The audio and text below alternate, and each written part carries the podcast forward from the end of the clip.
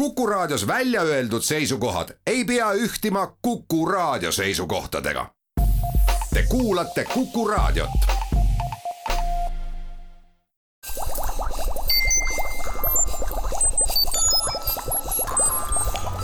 kukkuv õun head Kuku kuulajad, eetris Kuku Õun ja täna võtame ette looduse ja looduse just nimelt liigirikkuse kontekstist ja mitte ainult lähtuvalt sellest, vaid ka asjaolust, et Euroopas täna on ettevalmistamisel seadus, mis äh, Euroopa loodust äh, ühel või teisel moel paremini käsitlema peaks ja kõiki riike ja kogu seda Euroopa masinavärki suunama ka liigirikkust hoidma ja juurde tekitama. kõnelema oleme kutsunud sellest Eestimaa Looduse Fondi nõukogu esimehe ja Tartu Ülikooli Ökoloogia ja Maateaduste Instituudi botaanika kaasprofessori Aveliina Helmi. tere, Aveliina! tervist! selline seadusmuudatus, kui sa sellest ka hetke pärast lähemalt räägid ja kas see on midagi unikaalset maailma mastaabis? ja et äh, see, millest siin jutt tuleb, äh, siis on Euroopas hetkel ettevalmistatav äh, täiesti uus seadus, Euroopa looduse taastamise seadus, mis siis erinevalt paljudest teistest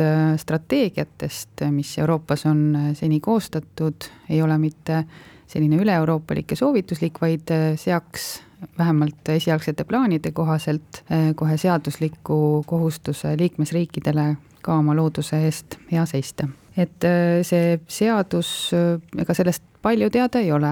on, on teada, et, et sellele, selle järgi on suur vajadus, sest elurikkuse seisund on äh, väga kehv ja kehvenev Euroopas ja teiseks, et, et selle seaduse ütleme, jah, see vajadus selle järgi on väga tungiv, aga teada on sellest vähe, sest et Euroopa Komisjon on seda hetkel ette valmistamas ja, ja pole sealt midagi väga välja tilkunud, et mis, mis, mida see seadus siis endas kätkeb. kuidas saab aga..., ma lihtsalt küsin vahepeal, kuidas saab Euroopas olla mingisugune noh, üldsegi mitte ei kaitsevaldkonda ega teab mis hašš-hašš saladusi puudutav seadus teema, nagu näiteks loodus seda vaieldamatult on ja ütleme siis niimoodi, et selle kohta ei tilgu välja mitte midagi. küsin no. ka kogemalt, kust see üldse alguse sai, kas see on ennem kõiki neid sebimisi, mis rohepöörde raames toimuma hakkasid või veel varasemast ajast? Äh, see on ikkagi seotud äh, suuresti ka rohepöördega, see on selline rakendus sellele, et, äh, et loodus siis saaks looduse eest saaks ikkagi hea seistud. ja ei, see ei ole midagi eripärast, et tegu on lihtsalt sellise seadusloome sellise faasiga veel, et ta Euroopa Komisjon ise, isekeskis veel arutab, et kuidas seda siis rakendada, kuidas, millised on õiglased ja head eesmärgid, milline on väga suur, milline on vajadus ja, ja kuidas seda vajadust kõige paremini adresseerida. Et eeldatavasti kuskil märtsis tuleb siis see seadus ka äh, nii-öelda kõigi ette arutamiseks ja, ja tagasisidestamiseks, aga, aga sellele ennetavalt siis ongi päli, päris paljud organisatsioonid teinud äh, mitmeid soovitusi ja noh, üleüldse ka üle Euroopa teadlaste kogukond on teinud omajagu soovitusi, et mida selline mida selline seadus peaks endas üldse kätkema. Ja kui sa küsisid, et kas tegu on sellise eripärase seadusega või et kas see on erakordne Euroopa mastaabis või maailma mastaabis, siis nii võiks öelda küll, et et pärast Euroopa linnu- ja loodusdirektiivi rakendumist ja nii-öelda Natura kaks tuhat võrgustiku rajamist, sellist suurt fookust loodusele ei ole olnud, et meil on küll nagu suured lootused sellele, et see aitab pöörata Euroopa nii-öelda elurikkuse kadu natukene positiivsemale teele tagasi. aga räägimegi nendesamade teadlaste ettepanekutest, sest äh, ma saan aru, et äh, neile on võimalik ka inimestel oma toetusallkirja anda, kui see üles otsida, aga mis on siis peamised küsimused, mida peaks jõuliselt lahendama probleemid, mis on seotud liigirikkuse kadumise ja vähenemisega, ületatud saaks? no ja, et selline pöördumine on tehtud Euroopa või ökoloogilise taastamise ühingu, mis on üle, ülemaailmne ühing ja koondab endas ökoloogilise taastamise ehk elupaikade elurikkuse taastamise spetsialiste ja teadlasi. selle ühingu Euroopa sektsiooni poolt ja siis saadetudki Euroopa Komisjonile ja kõigil on võimalik tõesti seda omalt poolt ka allkirjastada või sellele toetust avaldada. mida on hästi oluline silmas pidada, ongi siis see, et, et see loodav seadus, rakendatav seadus tooks nagu tõelist kasu loodusele, et ta ei muutuks, ei lahjeneks selliseks, selliseks seaduseks, mis mis näiteks keskendubki vaid juba olemasolevate eh, kaitsealade sellisele eh, paberil parandamisele, et nende, nendel kaitsealadel olevad elupaigad oleks eh, oleks pisut paremas seisus, vaid et need indikaatorid ja mõõdikud, mis on valitud, tooksid siis tõesti kaasa elupaikade seisundi paranemise, liikide seisundi paranemise. no näiteks on, on vajalik anda väga tugev signaal, et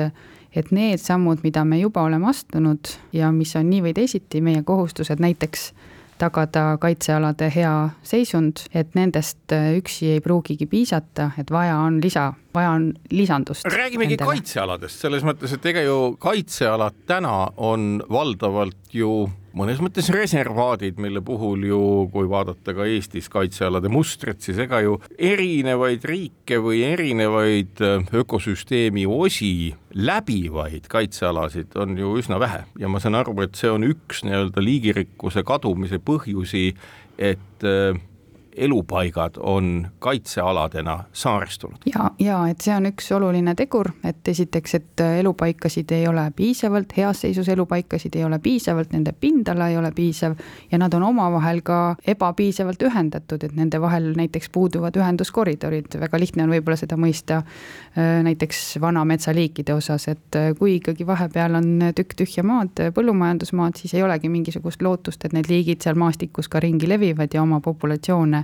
hästi hoiavad või suudavad hästi hoida. et kindlasti peaks selliseid äh, asju adresseerima, võib-olla siin Eesti koha pealt ongi hästi oluline märkida seda, et äh, et Eestis äh, meil on see üle, üld, üldrahvalik arusaam, et meie loodus on väga hästi kaitstud, et Euroopa keskmisega võrreldes see küll nii ei ole, et meil on endiselt kaitse all ligikaudu kakskümmend protsenti, pisut vähem maismaast ja, ja nii on see olnud äh, ligikaudu aastast kaks tuhat neli, et, et meil ei ole toimunud mingisugust märkimisväärset suurenemist siin viimastel aastatel. milline seis see Euroopas üldiselt on Või...? Euroopas keskmiselt on kakskümmend kuus protsenti maismaast äh, kaitse all ja kui nüüd vaadata neid rohepöörde eesmärke või ütleme, et milline on see vajadus, siis tegelikult peaks olema igas riigis äh, no vähemalt kolmkümmend protsenti maismaast selline hästi majandatud kaitsealad, et mis, kus elurikkus on hoitud. Eestis muidugi, Eesti kaitsealad ju ongi enamasti mitte reservaadid, nii nagu sa väljendasid, vaid ikkagi sellised inimese ja looduse koos elamisalad, et meie kaitsealade hulgas on ju näiteks Otepää looduspark või Vooremaa maastikukaitseala, mis on, kus, kus väga ei panegi tähele ju tegelikult, et seal mingite kaitsepiirangutega oleks tegu, aga kindlasti see Eesti nii-öelda massiivne kaitstus, nagu, nagu võib-olla vahel tahab läbi kõlada mõnedest retoorikatest, et see kindlasti ei vasta tõele, et meil on siin omajagu ruumi areneda ja me peame arenema, sest et ka meil on need näitajad ikkagi kehvad. Nüüd, kui küsidagi, et mis on selline peamine protsess, mis ütleme, looduses inimtegevuse tõttu äh, vähendab liigirikkust kõige enam. kas see on põllumajandus, kas see on linnastumine, milles toimub nii-öelda kõige tugevam liigirikkuse kadumine, mida on ju põhjust ka sellesama rohepöörde kavandamisel, mis ei ole ju mitte midagi muud kui ulatuslik neljas tehnoloogiline revolutsioon, silmas pidada? Just, et äh, need tegurid, mis äh, nii-öelda looduse hävimisse panustavad, on üsna selgelt äh, identifitseeritud, et kõige olulisem tegur ongi maastikuline ja maakasutuslik, et kuidas me käime ringi oma maaga, kas loodusel on füüsiliselt ruumi, kus olla, kas ma ei tea, märgalasid, kas heas seisus niidukooslusi, metsasid, kas neid on piisavalt ruumis. et see, just see selline fragmenteerumine, killustumine, nagu me kutsume, ja pindala vähenemine ja heas seisus elupaikade omavaheline kaugus on hästi olulised tegurid. kui vaadata, et mis seda maakasutust omakorda kõige rohkem suunab, mis siis loodust negatiivselt mõjutab, siis need on tõesti põllumajandus, põllumajandusest lähtuv selline maastike homogeniseerumine, mis on hästi kahjulik, kui, kui suured põllualad lähevad väga ühetaoliseks ja ei ole selliseid puudetukakesi või niidulaigukesi vahepeal, kus tolmeldajad saavad elada. Ja teiseks muidugi kogu see infrastruktuuri ja linnade laienemine ja selline ühtlane hästi homogeniseeriv maakasutus, et loodus tahab olla mitmekesine, rikkalik ka maastikuskaalas ja, ja just need meie valikud peavadki neid äh, kitsaskohti adresseerima, et me ei teeks seda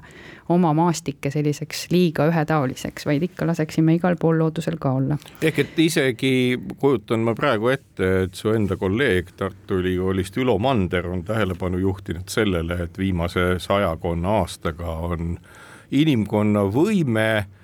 atmosfäärist lämmastikku, noh, kus seda on tõenäoliselt tuhandeid miljardeid tonne, valdavalt atmosfäär ju koosnebki lämmastikust, aga inimkond on õppinud sealt võtma ära umbes kolmsada miljonit tonni iga-aastaselt. Ja mis minu jaoks oli üllatav, on see, et looduse enda võime toime tulla lämmastikuringega oli vist umbes kuuskümmend miljonit tonni aastas. ehk et see viiekordne lämmastikuliig, mida noh, jällegi kõik näljased suud ju ootavad, et toitu tuleks aina odavamalt ja rohkem, et ma saan aru, et ka see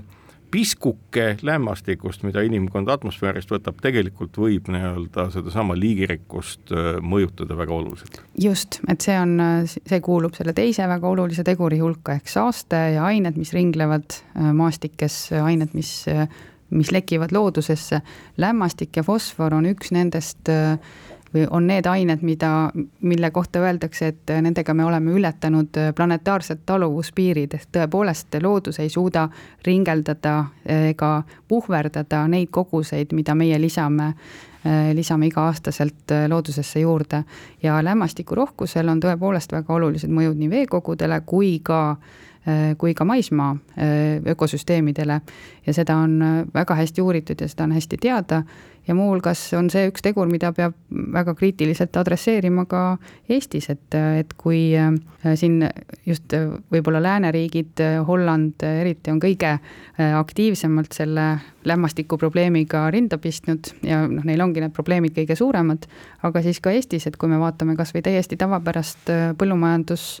põllumajanduse hektarit või põllumaa hektarit, mis on ilma selliste eri, eriliste keskkonna, keskkonda silmas pidavate praktikatega majandatud, siis, eh, siis igalt, eh, igalt selliselt hektarilt leostub ka Eestis välja rohkem kui kuuskümmend kilogrammi lämmastikku aastas meie veekogudesse ja meie maastikesse, nii et need on suured kogused. vist nii hulluks Eestis ei ole veel läinud asi nagu Borneo saarel, kus õlipalmide istandusi väetatakse vist seitsmesaja või kaheksasaja kilo lämmastikuga iga hektari kohta aastas. ma saan aru, et paljudki riigid, no Holland ja Taani nende hulgas, kellel põllumajandus hoopis teistmoodi korraldatud kui meil, nendel on ka innovatsioonid selles vallas üsna märkimisväärsed, näiteks lugesin siin hiljaaegu, et Taanis Kopenhaageniski selle lääneosas on vist ehitatud üks suurimaid täna Euroopas olevaid robotkasvatavaid kasvuhooneid, kus nii vee kui väetise vajadus kontrolli all. Ja ma saan aru, et ka Holland tegelikult liigub oma selliselt avamaa kasvatamiselt, noh, mis iganes salatite ja muude toidukraami valdkonnas aina rohkem ja rohkem sellisesse suletud ja kontrollitud teede radasid. kui palju sellistel muutustel perspektiivi on selles samas nii-öelda liigirikkuse säilitamise kontekstis? no ütleks küll, et, et meil meil siin Eestis äh, võib-olla me ennast Hollandiga ei, ei ole meil mõtet veel võrrelda, et äh, tänu, tänu taevale ei ole meil need olukorrad nii halvad. aga kui vaadata kogu selles tuleviku perspektiivis, siis, äh, siis tõepoolest see, kuidas me suudame toidu tootmisel hoida oma keskkonnajälje minimaalse, praegu me põhimõtteliselt lihtsalt laseme äh,, ei püüa piisavalt neid väärtuslikke asju kinni, et lämmastik on lihtne teha, fosfori, fosforväetisi kusjuures mitte. aga ikka me raiskame ja ikka me laseme sellel lekkida loodusesse ja teha seal kahju. et kindlasti sellised suletumad süsteemid, ringlused on, on üks, üks tulevikumuusika, aga ma hetkel küll ei näe, et kui kiiresti me sellistesse kohtadesse jõuame, et no, aga see võiks paljud olla asjad on tulnud meile endalegi ju üllatusena, kuidas hiilivalt tõusev ja igasuguseid muid probleeme sisaldav energiatemaatika on ühtäkki ju ma arvan, selleks kevadeks,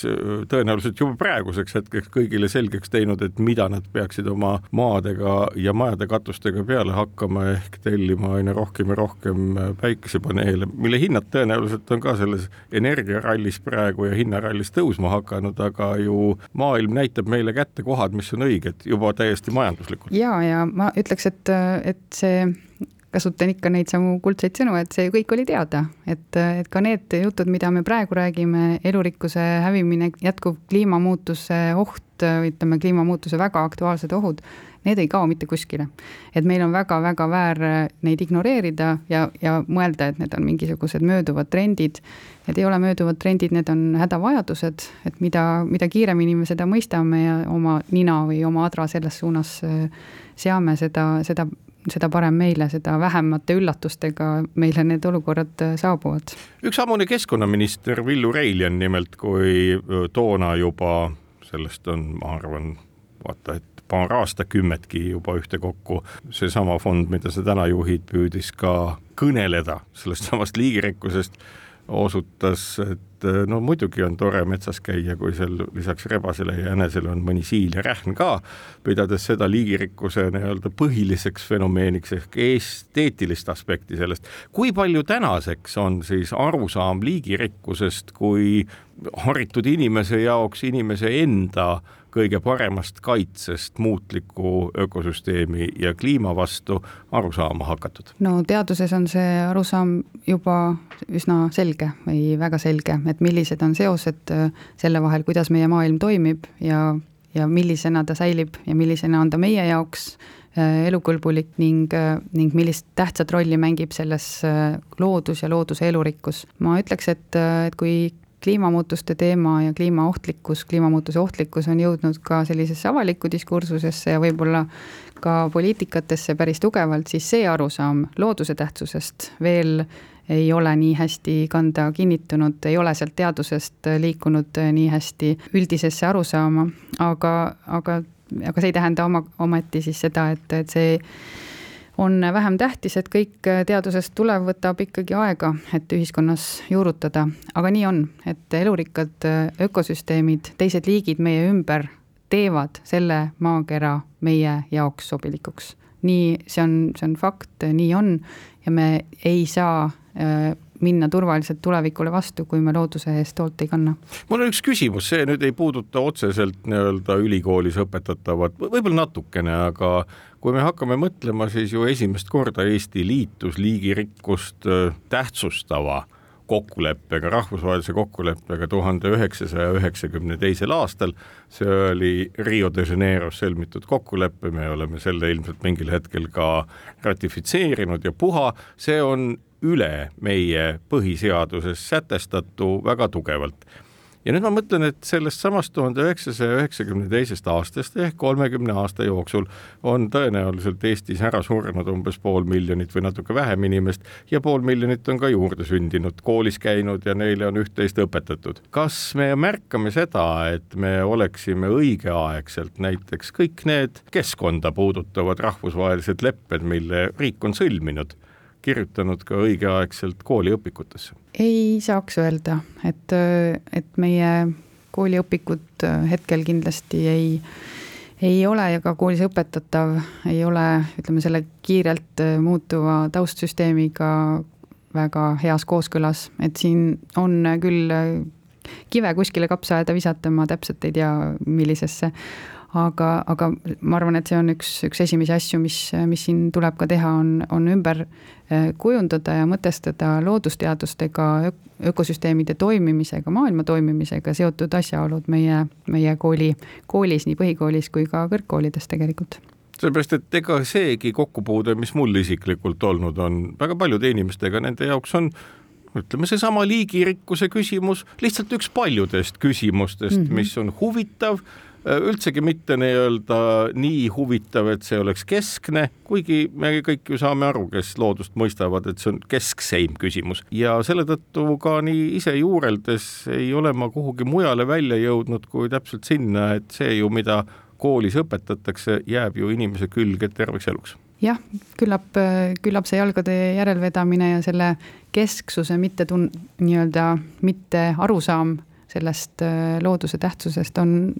suuresti sellega seotud ilmselt jah. nüüd, kui jälle, eks kõik ju loodavad midagi sellest samast Euroopa looduse taastamise seadusest, noh, see on väga selline eh, võimas nimi, eh, peab ütlema. Eh, kas mingisugust aimu on nendest võtetest, eelarvet ja protsessidest, mis selle tulemusena käivituma peaksid või see on kõik kuni märtsikuuni veel selline teadmata juriidiline saladus? Äh, jah, et suure tõenäosusega on, on seal seaduses äh, suur fookus äh, olemasolevate kaitsealade, juba olemasolevat, oleva seisundi hinnanguga elupaikade taastamise eesmärgid, et ka Eestis on meil kaitse all palju elupaikasid, mille seisund ei ole sugugi hea, vaid on, on suisa, suisa halb suisa ebasoodne nii-öelda, nagu öeldakse sellises tehnilises keeles, et, et neid kindlasti tuleb ähm, efektiivsemalt taastada, aga no seda pidi tegema nii või teisiti, seda peab tegema nii või teisiti. aga lootused on äh, noh, näiteks äh, Euroopa erinevatel keskkonnaorganisatsioonidel see, et saaks paika väga siduvad äh, pindalalised protsentuaalsed eesmärgid, näiteks on Äh, seisavad äh, keskkonnaorganisatsioonid selle eest, et Euroopa lood, kogu Euroopa maismaast oleks aastaks kaks tuhat kolmkümmend äh, taastatud, viidud heasse ökoloogilisse seisu viisteist protsenti. ehk siis meil oleks vähemalt viisteist protsenti taastatud loodust lisaks sellele, mis meil juba on. ja see on päris suur eesmärk ja, ja tõenäoliselt see sellisena komisjonis kindlasti välja ei tule aga mis tõenäoliselt tuleb, on eesmärgid näiteks parandada lindude olukorda, et äh, näiteks põllulinnu indeks on ka Eestis äh, langenud viimase neljakümne aasta jooksul viiskümmend protsenti. mida tähendab on... põllulinnu indeks, et noh, see on mm. nagu selline jälle selline teaduslik termin, aga räägime selle lahti, et, et mida on poole vähemaks jäänud? ja põllulinnu indeks on, on selline koondnäitaja, mis, mida hästi robustselt võib vaadata ka kui Äh, lindude arvukust. Äh, et ta koondab tegelikult endas mitme või paljude indikaatorliikide populatsioonide seisundit ja, ja võtab nende populatsioonide seisundi sellise muutuse keskmise. ja põhimõtteliselt see siis näitabki seda, et kui meil ikkagi põllulinnu indeks, seesama kole termin, on langenud viiskümmend protsenti, siis, siis on meil põllulinde noh, laias laastus kas see tähendab nii arvukuse, arvukuse vähenemist kui ka liikide vähenemist? Äh, ta ikkagi pigem tähendab arvukuse vähendamist, vähenemist, nii et äh, justkui põldudel on viiskümmend protsenti vähem linde. Ja selle aga... valdavaks põhjuseks on see täpselt seesama nii-öelda agressiivne ja intensiivne suhe põllumajandusega. Või midagi veel? Äh, kindlasti maastikumuutused, seesama põllumajanduslikud maastikumuutused, intensiiv, põllumajanduse intensiivistumine,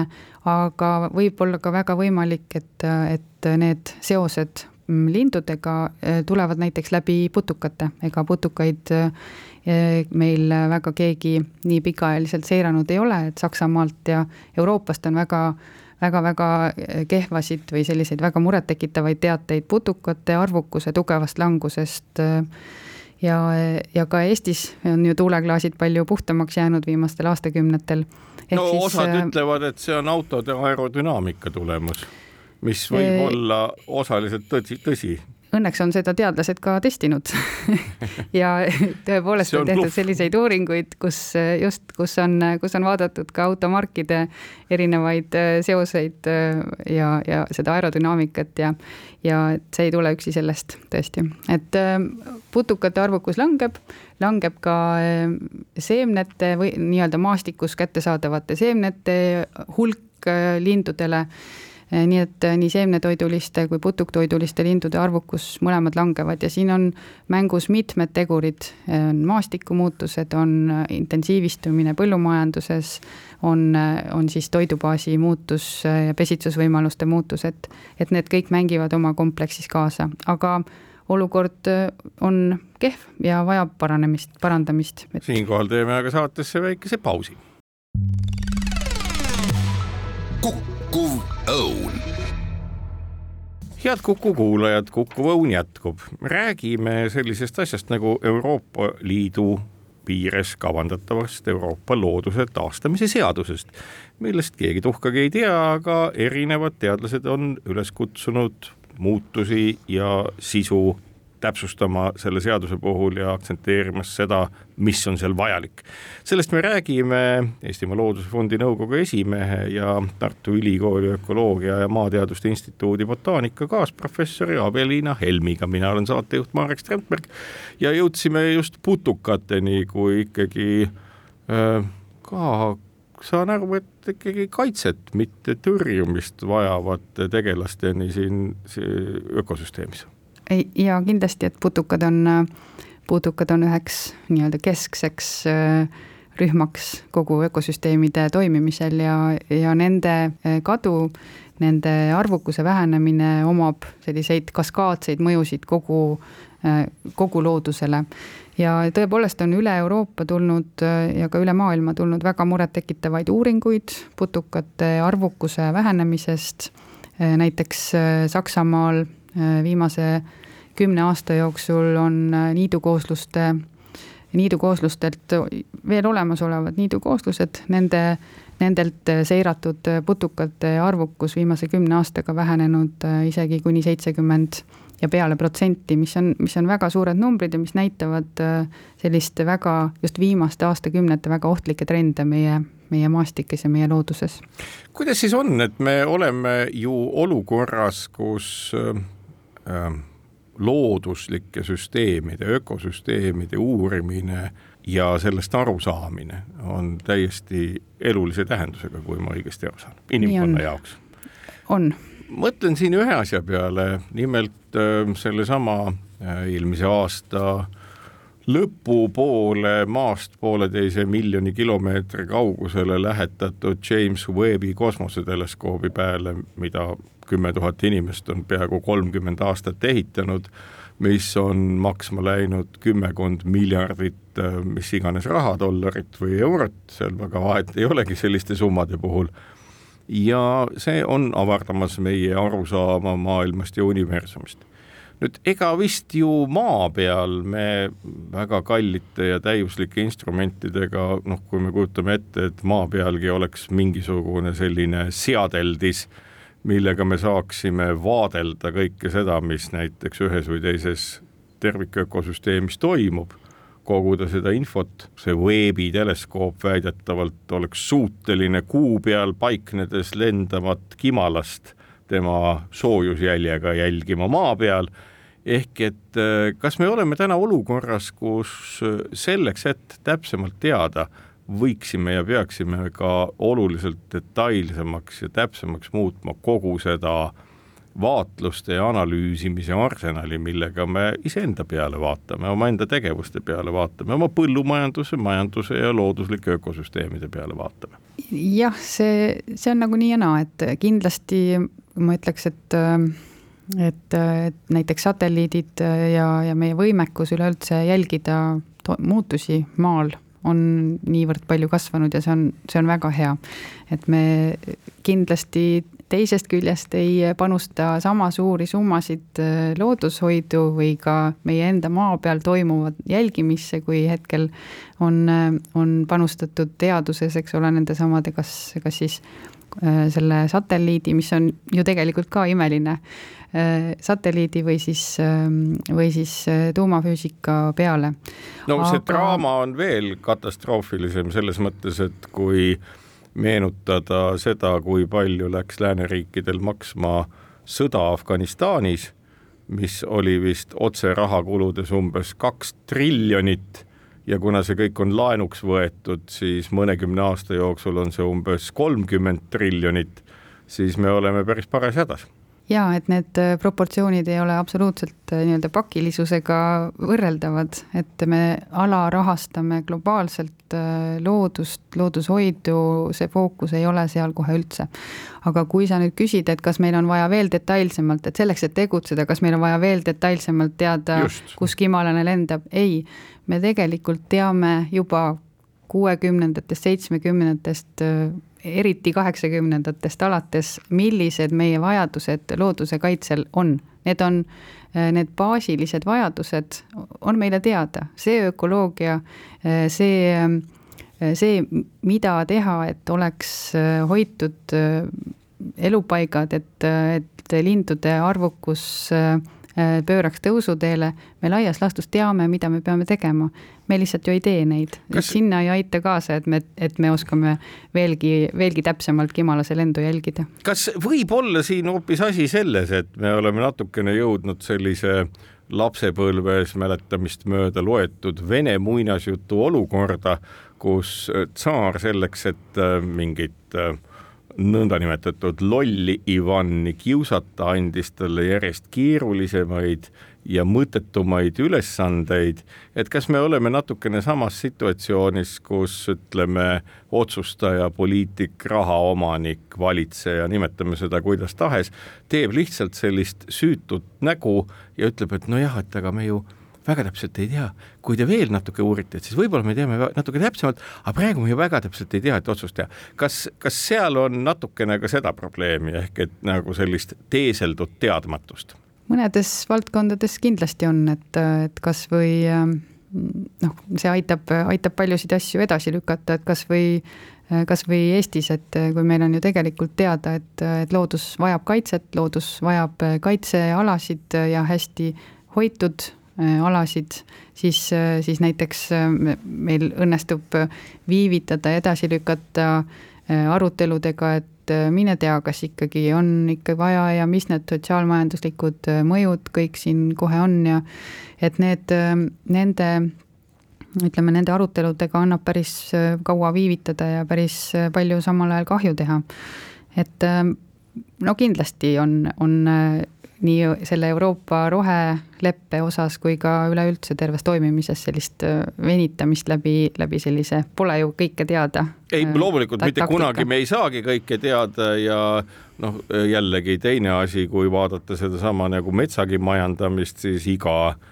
minut isegi, mis on edasi venitatud teatud raieviiside peatamise osas, tähendab ju tuhandeid või enamaid eurosid, mida teenida õnnestub ja loomulikult ja mida kauem me vaidleme, seda, seda pikemalt kestab olemasolev olukord ja, ja midagi ju ei olegi muutunud tegelikult. kas äh, sul haritult äh, targal inimesel selles valdkonnas kõiki nüansse teadvalt oskad sa nii-öelda kuvada mingit sellist äh, apokalüptilisemat tulevikku, mida tähendab see, kui tõesti liigid me ümbert äh, vähenema hakkavad, nende arvukus ja nende arv mis juhtub? jaa, e, need, need tagajärjed e, nii-öelda avalduvad läbi, läbi paljude selliste mm, e, erinevate tegurite, näiteks mulla, mullaviljakuse ja mulla, mullast toidutootmisvõimekuse kadu on juba realiseerunud väga paljudes piirkondades ja mullaviljakus ei ole mitte midagi muud kui elurikkus see, kuidas säilib mullaviljakus, kuidas säilivad aineringed, see on elurikkuse tegu, need ei ole mingisugused äh, taevast kukkunud nähtused, mis lihtsalt mullal või pinnasel on, et äh, ja, ja mulla vaesumine toob kaasa mulla muutumise lõpuks nii-öelda kõrbestumise, toob kaasa võimetuse seal toitu kasvatada, isegi, isegi juhul, kui sa kui sa paned seda lämmastikku ja fosforit äh, piisavalt, muld ei suuda seda kinni hoida. Need, äh, need on, no näiteks läbi toidu tootmise on kindlasti üks, üks tegureid, mis avaldub. Äh, samamoodi tolmeldajate lindude kadu, Äh, või siis selline, nagu see Samal Habeme ütlemine oli, et tasakaalu muutumine looduses äh, toob kaasa erinevad ohud just äh, kliimamuutuste valdkonnas väga tugevalt. näiteks uute kahjurite kujunemine või siis uute kahjurite nii-öelda pealetung, kus looduslikud vastavad vaenlased on liiga vähearvukad või, või, või juba kadunud, kes neid suudaksid ohjes hoida. Et, et sellised äh, apokalüptilised äh, näited äh, mõnedest maailma piirkondadest, kus, kus on toimunud tohutu plahvatuslik mingisuguse kahjuri pealetung, mis hävitab kogu aastasaagi näiteks ja, ja segab oluliselt inimeste elu, et, et need ei ole tegelikult mitte millegi muu tagajärg kui nii-öelda balansist välja viidud isereguleeriva süsteemi häiring. aga siinkohal teeme saatesse väikese pausi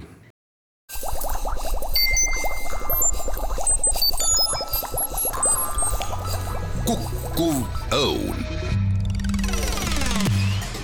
head kuulajad, Kuku Õun jätkub, kõneleme äh, Eestimaa Looduse Fondi nõukogu esimehe ja Tartu Ülikooli Ökoloogia ja Maateaduste Instituudi botaanika kaasprofessori Avelina Helmiga äh, loodusest, sellest, et Euroopa looduse taastamise seadus on tulemas ja paljudest muudest asjadest. mina olen saatejuht Marek Strandberg ja ega ju sellist, ähm, kuidas ma ütlen, nii-öelda looduselt ormuandide võtmise niisugust plaani ju näeb ka Eestis hästi palju. noh, üks huvitavamaid äh, aktsioone võib isegi öelda, on äh, ei tea isegi kelle algatatud ja avalikkuses äh, tugevalt võimendust saanud teema, et hakkame aga me randadesse nüüd ehitama, et siiamaani pole ehitanud ja vaat, et kui me ikka randa ehitada saaksime, siis majandus kasvaks ja inimesed saaksid oma eurosid tuulutada, mida nad raske tööga teeninud on. millest selline imelik sündmus siis äh, on tekkinud ja mis kogu selle rannakeskkonna elukeskkonnaks muutmise tagajärjeks võivad olla? jah, siin on nüüd jutt siis äh, värskelt äh, nii-öelda Riigikogu menetlusse jõudnud eelnõust, mis tegi ettepaneku kogu Eestis kaotada hetkel looduskaitseseaduse alusel kehtiv ehituskeeluvöönd mis on hetkel sada kuni kakssada meetrit mererannas, aga ka jõgede, järvede kallastel, see, see raadius on äh, erinev või see, jah, see vööndi laius on erinev. aga ettepanek on siis äh, Riigikogus hääletamisel juba kahekümne viiendal jaanuaril, kus äh, Riigikogu peaks siis võtma esimesel lugemisel Äh, vastu või, või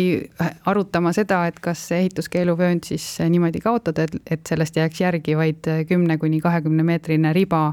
Eesti, Eesti randadele ja kallastele. Äh, ehk siis ainult see kallasraja ja veekaitsevöönd. see on äh, niivõrd erakordselt küüniline ja halb seaduseelnõu, et mul ei ole isegi sõnu selle kirjeldamiseks, milline on selle sellise muutuse mõju Eestile, Eesti maastikele ja Eesti loodusele ja eriti tegelikult Eesti inimestele just randade kasutuse ja terviklike randade kogemise mõttes, et praegu ma kujutan ette, et, et iga eestlane võib-olla ei ole isegi mõelnud selle peale, et mis teeb Eestist nagu selle Eesti, Eesti, mis on see Eesti, Eesti identiteet, aga kindlasti need looduslikuna säilinud rannad on, on üks osa sellest, et see on ja, ja kui nüüd laiemalt rääkida, siis äh, selline seaduseelnõu on minu arust äh, nagu vähikäik äh, selles mõtteviisis, mida me peaksime praegu ju vastupidi rakendama. me peaksime olema erakordselt hoolikad nendes ettevõtmistes, nendes seadustes, mis mõjutavad loodust, mis mõjutavad meie ühishüvede säilimist, meie hea elukeskkonna säilimist ja, ja see, sellised ja kui, kui kärmesti ja kui libedasti selline äh, eelnõu on nüüd läbi libisenud erinevatest ministeeriumitest ja valitsusest ja keskkonnakomisjonist, et see on lausa erakordne ja väga hämmastav no seal on täpselt sama, mida iga minut, mida venitatakse metsade asjus piiravate otsuste tegemisega tähendab tuhandeid või enamaid eurosid, siis ju ka kõik kinnisvaraarendajad saavad äh, ju aru, et kui sellele ehitusvööndile kogu Eesti ranniku ulatuses lisandub järgmine vöönd, mille laius on sada või kakssada meetrit, ossa poiss ja tüdruk, kui palju sinna ehitada saab, ehk et nagu kõigil ju tiirlevad silme ees tohutud rahanumbrid aga ühte lihtsat asja vist ka selles eelnõus, vähemalt no kui ma lugesin seda nii-öelda seletuskirjagi, ei ole ju kajastatud. Need on kaks asja, veetaseme tõus ja kui see aset leiab ja kõik need nii-öelda rannaäärsed madalad alad üle ujutuvad, siis ju kindlasti keegi läheb käsi pikalt, kas riigi või kindlustusettevõtete juurde, mitte võib-olla küll selles põlvkonnas, aga järgmistes ja keegi hakkab siis kinni maksma seda lollust. ja et Eesti on täna tegelikult harukordselt heas võimaluses või ütleme, olukorras, me oleme isegi ajast ees tänu sellele samale eh, seni kehtinud eh, ehituskeeluvööndile, et meil tegelikult ei ole merevee tõus nii otseseks ohuks kui väga paljudes naaberriikides ja kõrval, et seesama ehituskeeluvöönd on puhverdanud ja võiks jääda puhverdama neid ohtusid. ei, no seal on lisaks sellele sinu välja toodud aspektile on seal seaduseelnõus väga-väga palju auke ja väga palju mõjuhinnanguid äh, puudu, nii et, et ma väga loodan, et see lükatakse hästi otsustavalt äh, riik, Riigikogu poolt äh, tagasi juba no poliitiliselt lugemisel. on olukord ju pingeline, kohe on valimised ehk järgmisel aastal ja tõenäoliselt kõik erakonnad on kehvas seisus ja aimavad, milline võitlus võib aset leida nii-öelda meelelahutusturul nimega valimiskampaania ja raha on kõigil vaja, ehk võib-olla siis no. on ju keegi juba, juba lubanud, et näete, näete, et meie siin oleme ju rikas kinnisvaraarendaja, et loomulikult me mõtleme selle peale, kui te ka meie peale mõtlete? ma ei oska seda kommenteerida, aga kindlasti on niimoodi, et, et kui see äh, seaduseelnõu äh, jõustub, äh, siis, siis piirangud, mis kaovad, need kaovad väga vähestele, nendele, kellel on rannas kinnisvara, aga need piirangud, mida seatakse, need seatakse kogu, kõikidele Eesti elanikele ja ehk on ka meie erakonnad huvitatud sellest, et, et ikkagi Eesti elanike kõigi Eesti elanike heaolu oleks neil ikkagi meeles. No samas inimene ütleb, no mis seal rannas ikka on, kivid, liiv, adru, mingisugune mudru haiseb vahel, mis tegelikult kujutab endast maismaa ja veepiir ökoloogilises mõttes? see on erakordselt oluline eh, nii elupaigana, liikide leviku koridorina. Eesti on, Eesti rannik on väga mitmekesine, Eesti randade kooslused on väga-väga mitmekesised nii jõe-järvede eh, kallastel kui ka mererannas et me ei saa isegi võrrelda ennast eh, näiteks Soomega või, või teiste riikidega, kus kus sellist mitmekesisust, nagu meil on, on, on palju vähem. meil on noh, nii geoloogilised tingimused kui ka elustikutingimused on erakordselt mitmekesised ja, ja rääkimata sellest, et tõepoolest see vöönd on selliseks oluliseks rohekoridoriks, et kui me, kui me tahame hoida meie liikidele võimalusi levida, siis, siis see on üks selline äh, Äh, erakordselt tähtis rohekoridor, erakordselt tähtis elupaik, era-, erakordselt palju erinevaid ökosüsteeme on ja just nagu selline, selline liikide liikumise koht, jah, väga oluline. ehk et nii-öelda sellesama Euroopa looduse taastamise seaduse kontekstis oleks selline noh, kuidas ma nüüd ütlen, Eesti randade täisehitamist soosiv seadustik sootuks hullumeelne plaan ja jätaks väga piinliku mulje. Täiesti hullumeelne. Ja rääkimata ka sellest, et äh, tegelikult on, võiks olla Eesti eesmärgiks äh, äh, noh, üle-euroopaliselt on eesmärgiks ikkagi kolme, kolme, tagada kolmekümne protsendi maismaa pindala kaitse. see võiks olla ka Eesti eesmärgiks lähiriik, lähiaegadel ma ei tea, miks me teeme sellist vähikäiku, et kui ometigi me võiksime juba neid valdavalt looduslikus seisus olevaid rannaalasid rakendada hoopis sellise eesmärgi täitmiseks. aga võib-olla on üks põhjusi sellest, et tänaseks nii-öelda juba ju üheksakümne teisest aastast alates väga paljud kolmekümne aastaseks ja veidi nooremaks saanud otsustajad ja huvilised ei saagi aru, kuna nende kooliharidus ei ole kuulnud seda, mida inimkond juba kuuekümnendatest ja seitsmekümnendatest aastatest teab, mida sa kõnelesid. no ma arvan, et kindlasti kõik armastavad Eesti, Eesti mereranda ja Eesti jõgede ja järvede kaldaid ja neid noori ja ka neid otsustajaid, kes, kes tegelikult seda naudivad, aga võib-olla ei ole enda jaoks mõtestanud, et, et see on tähtis ja et see on millegi, et, et see pole iseenesestmõistetav, et need võimalused nautida on olemas. et need, ma loodan, et, et sellest vast saavad ka ikkagi kõik aru, et üks, üks võib-olla nüanss selle juures on ka seesama kallasrada, et et kahjuks meil on juba palju äh, näiteid, kus, kus hetkel kehtiv kallasrada, mis on kümme, äh, kümme, mis jääb siis kümme, kakskümmend meetrit, äh, kui, kui, kui see seaduseelnõu ka jõustub, et kuidas see kallasrada on ikkagi suletud, kas päris füüsiliselt, mis on küll seadusevastane, aga lisaks sellisele füüsilisele sulgemisele me võime rääkida ka